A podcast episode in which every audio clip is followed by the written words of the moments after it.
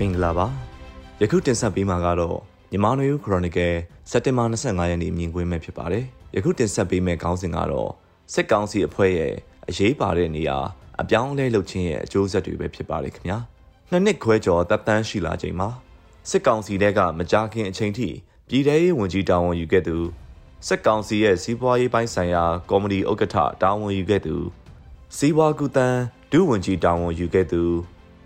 ဂုံသွဲရေးနဲ့ ဂုံစီစီးဆင်းမှုမြန်ဆန်ရေးကော်မတီအတွင်းရေးမှူးစတဲ့အဓိကကျတဲ့နေရာတွေမှာတာဝန်ယူထားသူတွေကိုစားအုံးစီတင်သွင်းခွင့်လိုင်စင်နိုင်ငံခြားငွေဝယ်ယူခွင့်ပါမယ်စတဲ့ကိစ္စတွေနဲ့ဆက်ဆက်ပြီးတပြိုင်နက်တည်းယာထုမှရနာလိုက်တာ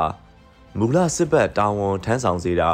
နေအိမ်အကျယ်ချုပ်ချပြီးစစ်ဆေးမင်းမြတ်မှုတွေလုပ်ပြီးအရေးယူတာတွေခုရက်ပိုင်းအတွင်းလုပ်ခဲ့ပြီး စက်တင်ဘာ25ရက်နေ့မှာတော့စစ်ကောင်စီပြင်ဆင်ဖွဲ့စည်းတဲ့တရင်နဲ့အတူအခြားသောဝန်ကြီးဒုဝန်ကြီးရွေးကောက်ပွဲကော်မရှင်အဖွဲ့ဝင်တို့တောင်းဝန်ကရနာတဲ့တရင်တွေတပြိုင်နက်တည်းထုတ်ပြန်လိုက်တာဖြစ်ပါတယ်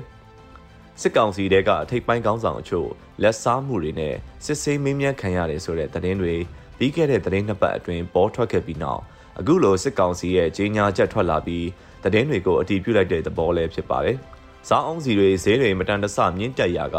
စားအုံးစီတင်သွင်းခွင့်ပါမစ်ထုတ်ပေးတဲ့ကော်မတီအဲ့ဒါနဲ့ဆက်ဆက်နေတဲ့နိုင်ငံခြားငွေကိုပြင်ပဈေးကွက်ပေါက်ဈေးထက်နှိမ့်နေနှုံးတဲ့ဗဟိုဘဏ်ကနေဝယ်ယူခွင့်စတဲ့ကိစ္စတွေမှာစစ်ကောင်စီခေါင်းဆောင်ရဲ့အားကိုအားထားရတဲ့သူလို့ဆိုနိုင်တဲ့ဒုတိယဗိုလ်ချုပ်ကြီးမိုးမြင့်ထွန်းကပါဝင်ပတ်သက်နေတာ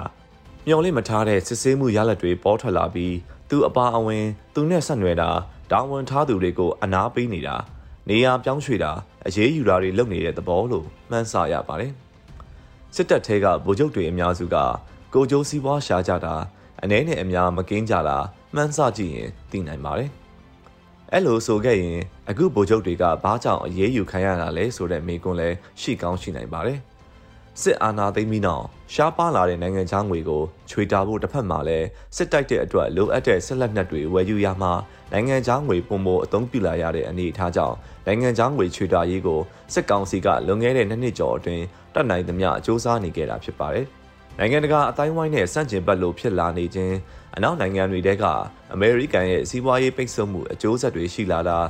ဒီပရင်းနှီးမြုပ်နှံတဲ့ကုမ္ပဏီကြီးတွေထွက်ခွာလာကြတာစတဲ့အကြောင်းခံတဲ့တက်ရောက်မှုတွေကနိုင်ငံခြားငွေရောင်းနေလာတဲ့အကျိုးရလဒ်ဖြစ်ပြီးလက်တွေ့မကျမှန်းသိတဲ့နိုင်ငံခြားငွေချွေတာရေးလမ်းကြောင်းတင်သွင်းမှုကန့်သက်ရေးပြည်ပရောက်မြန်မာနိုင်ငံသားအလုပ်သမားတွေငွေပြန်ပို့ရေး ဖိအားပေးတာတွေလှုပ်ဆောင်ပြီးပြည်တွင်းစစ်ကိုတိုက်ခိုက်နေစဉ်ဇီးပွားရေးပြိုလဲတာမျိုးဥပမာတီရီလင်္ကာနိုင်ငံလိုမျိုးအဖြစ်မျိုးကြုံရမှာကိုစိုးရိမ်ပြီးနိုင်ငံခြားငွေကိုချွေတာဖို့ကြိုးပမ်းခဲ့တဲ့သဘောလို့ယူဆရပါတယ်။ယခုလိုအကျိုးဆက်တွေကစစ်အာဏာသိမ်းမှုရဲ့ရလဒ်တွေဖြစ်ပြီးပြည်တွင်းစီးပွားရေးဆိုင်ရာမူဝါဒတွေကဆိုရှယ်လစ်အမည်ခံတဲ့စစ်ကောင်းဆောင်တွေအုပ်ချုပ်တဲ့မြမဆိုရှယ်လစ်လမ်းစစ်ခက်လို့မိမိဘာသာဖူလုံရေးစီးပွားရေးမူဝါဒ နောက်တစ်ဖန်နိုင်ငံတကာပိတ်ဆို့မှုတွေကိုခံရတဲ့နာဝတာနာအဖစစ်အစိုးရလက်ထက်ကမူဝါဒတွေကိုပြန်လည်ဥတီနေတာဖြစ်လို့လမ်းတွေပေါ်မှာစားသုံးစီဝဲဖို့တန်းစီတာအလောက်ကန်အခွင့်အလမ်းမရှိလို့စားအုံးစီတန်းစီတဲ့နေရာမှာတက်လှည့်ပြီးတက်လှည့်တန်းစီပြီးနေစဉ်ဝင်ငွေရအောင်စ조사ကြရတာမျိုးတွေပြန်တွေ့လာရတာဖြစ်ပါတယ်ဒီလိုပြည်ရင်းစစ်တိုက်ခိုက်နေတဲ့အကျိုးဆက်စီးပွားရေးကိုနားမလည်တဲ့စစ်ဗိုလ်ချုပ်တွေကဝင်ကြီးလုပ်ပြီးစီမံခန့်ခွဲတဲ့အကျိုးဆက် နိုင်ငံတကာအတိုင်းဝိုင်းကလက်မခံတဲ့စစ်အာဏာသိမ်းမှုကိုလှုပ်ဆောင်ခဲ့ခြင်းရဲ့အကျိုးဆက်တွေကစီးပွားရေးကမောက်ကမဖြစ်မှုလူတွေရဲ့အလုတ်ကင်ခွင့်အလံရောပါပြက်စီးစေမှုတွေဖြစ်ပြီးအခုလိုများဦးကစစ်ကောင်စီအဖွဲ့ဝင်ဗိုလ်ချုပ်ကြီးတွေအထိရောက်လာခဲ့တာဖြစ်ပါတယ်။အခုတလောဖြစ်ရက်တွေတဲ့ထူးခြားတဲ့အရေးယူမှုတစ်ခုကစစ်အာဏာမသိမ်းမီနဲ့စစ်အာဏာသိမ်းပြီးနောက်နှစ်နှစ်ကျော်ကြာပြည်ထရေးဝန်ကြီးရာထူးမှာတောက်လျှောက်တာဝန်ယူခဲ့တဲ့ ဒုဗိုလ်ချုပ်ကြီးစိုးထုတ်ကိုဝန်ကြီးရာထူးတွေကနေအနာပေးလိုက်ပြီးစစ်ပတ်မူလတာဝန်ထမ်းဆောင်မှုကြီးညာတဲ့အထိလှုပ်ဆောင်ခဲ့တာဖြစ်ပါတယ်။ရခိုင်ဦးသိန်းစိန်အစိုးရလက်ထက်တွေတုန်းကစစ်ပတ်ရေးရာလုံခြုံရေးအကြီးအကဲတာဝန်ယူခဲ့သူစစ်အာဏာမသိမ်းမီနဲ့သိမ်းပြီးနောက်ပြည်ထရေးဝန်ကြီးတာဝန်ယူပြီးအာဏာသိမ်းမှုစန့်ကျင်ရေးလှုပ်ရှားသူတွေထောင်တောင်းကြီးဖမ်းဆီးခံရ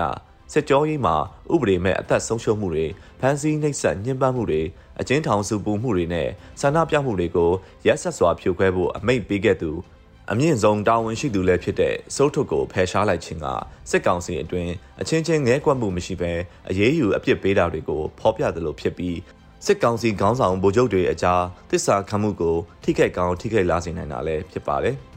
စီးပွားကူတန်းဒုဝန်ကြီးတယောက်တာဝန်မှအနာပေးခံရသလိုမကြာသေးခင်ကမှစီးပွားကူတန်းဝန်ကြီးဖြစ်လာသူဦးအောင်နိုင်ဦးကိုလည်းအစိုးရအဖွဲ့ရုံးဝန်ကြီးတဲ့အဖြစ်ပြောင်းရွှေ့လိုက်တာဖြစ်ပါတယ်။စစ်တပ်အရာရှိကနေအရက်ဖတ်ပြောင်းလာသူဦးအောင်နိုင်ဦးဟာရခိုင်အစိုးရလက်ထက်က DICA ညွှန်ချုပ်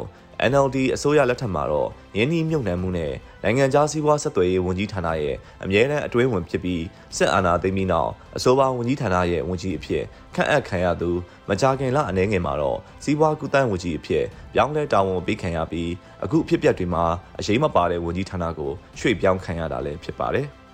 ဒီအဖြစ်အပျက်တွေကိုခြုံငုံသုံးသပ်ရင်းစီးပွားရေးတလွဲစီမံခန့်ခွဲမှုတွေနိုင်ငံရေးပြဿနာကြောင့်စီးပွားရေးနယ်ပယ်ကိုရိုက်ခတ်လာတဲ့ရိုက်ခတ်မှုတက်ရောက်မှုတွေကိုအာဏာသိမ်းစစ်ကောင်ဆောင်အနေနဲ့စီမံခန့်ခွဲဖို့ကြိုးစားရင်းမြောက်အုပ်ကသူ့ရဲ့အနီးဆုံးသူတွေအထိရောက်လာနေပြီးစစ်ကောင်ဆောင်တွေအကြားစီးလုံးမှုကိုထိခိုက်ကောင်းထိခိုက်စေနိုင်တယ်ဆိုတဲ့ယူဆမှုစီးပွားရေးပြဿနာတွေကစစ်ကောင်စီရဲ့စည်ရေးအရာတိုက်ခိုက်နိုင်မှုတွေကိုထိပါလျော့နေစေနိုင်တဲ့အလားအလာလည်းရှိနေတာဖြစ်ပါတယ်ခင်ဗျာ။